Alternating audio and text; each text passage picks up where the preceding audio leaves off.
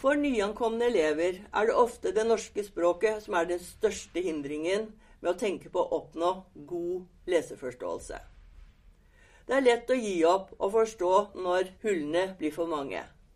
Fagtekster på høyere trinn kan ofte ha en veldig fortettet språkbruk, der mye informasjon samles også på få setninger. Slike tekster er krevende å lese, spesielt for unge elever, enda mer for elever som også strever med det norske språket.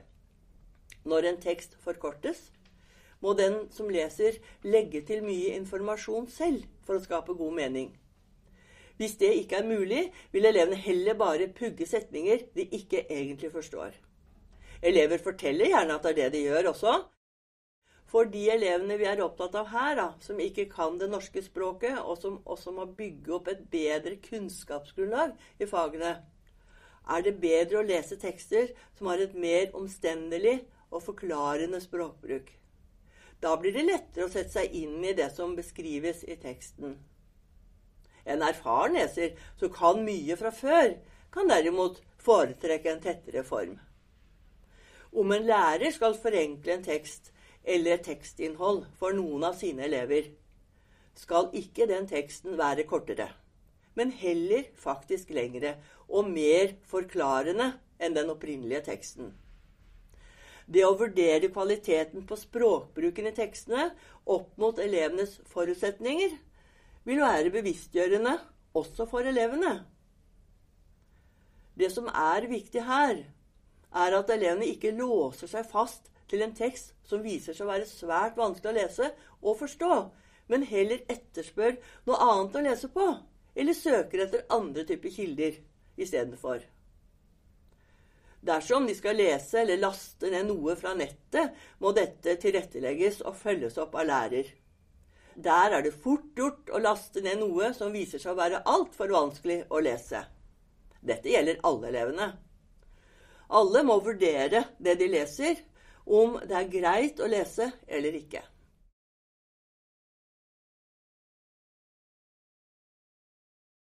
Som faglærer er begrepsundervisning en stor del av undervisningen.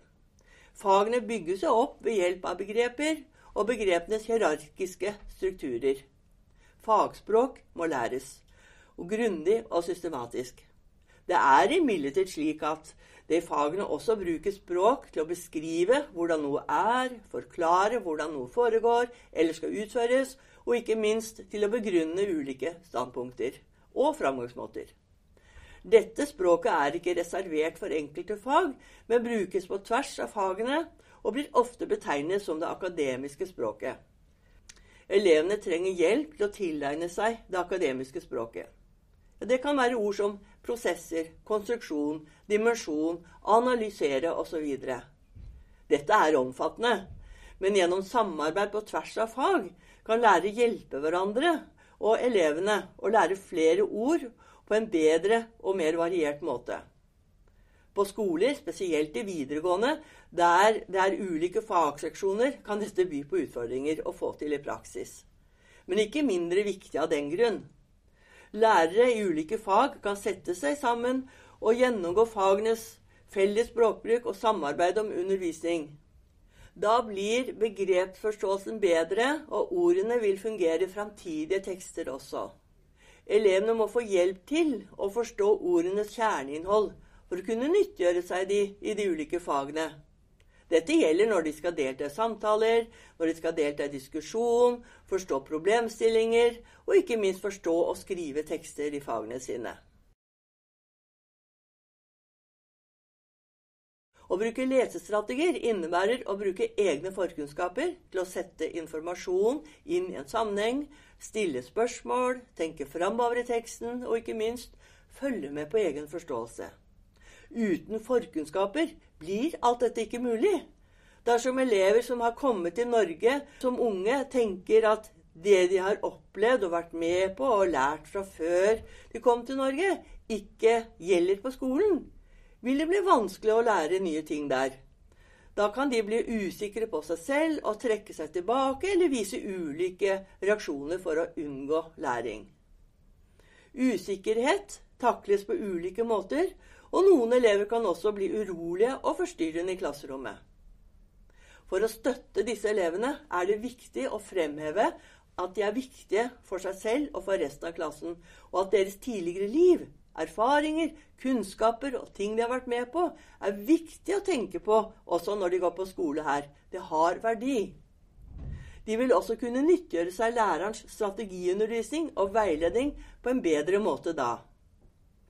Strategiundervisning krever i seg selv at lærere går systematisk fram og bruker modellering i utstrakt grad.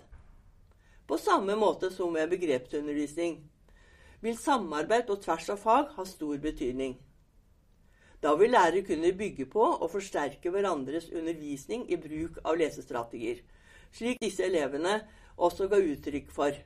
Skal vi gjøre det slik her også, lærer?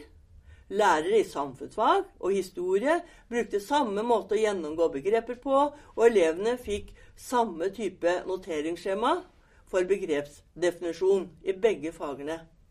Det vil hjelpe på om skolen har en slik felles plan for hvordan man går fram når elevene skal lære strategier.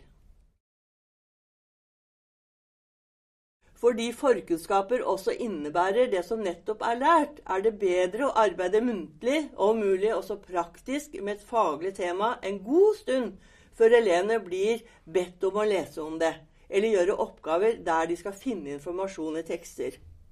Da har elevene mye mer å bygge på, og de har bedre forutsetninger for å kunne bruke gode lesestrategier også. Og forstå det de leser. Det gjelder alle elever, men kanskje aller mest de elevene som hele tiden også må bygge opp ordforrådet og språkforståelsen sin. En viktig innramming av lesing er å klargjøre leseformål og oppgaver og innarbeide gode rutiner for leseplanlegging. Elevene skal ikke bare gå rett på å lese uten å tenke seg om først. Og de skal ha en plan for hvor mye som skal leses, om noe skal noteres, osv. Noen ganger kan det å lage tankekart eller få et noteringsskjema fra læreren hjelpe på. Hvis man leser uten en plan for hvordan det er lurt å gå fram, kan både motivasjon og fokus også lett skli ut. Elever med kort botid i Norge kan ha mange utfordringer med sin lesing. Mye likt som alle andre elever, og noe spesielt pga. den situasjonen de er i, hver og en. For lærere kan alle de tiltakene som er nevnt her, virke overveldende med tanke på at de også skal gjennom fagene sine og fullføre skolegang. Da er det viktig å huske på at det som teller aller mest, er å styrke elevenes tro på seg selv og tilføre de strategier som gjør at de kan løse egne problemer best mulig på egen hånd. Elevene har en stor jobb å gjøre. Lærere kan gi de den beste veien å gå på, og passe på at elevene ikke finner kortsiktige løsninger som hindrer mer enn å styrke både forståelse og læring. Med god selvtillit er det mye de kan klare senere.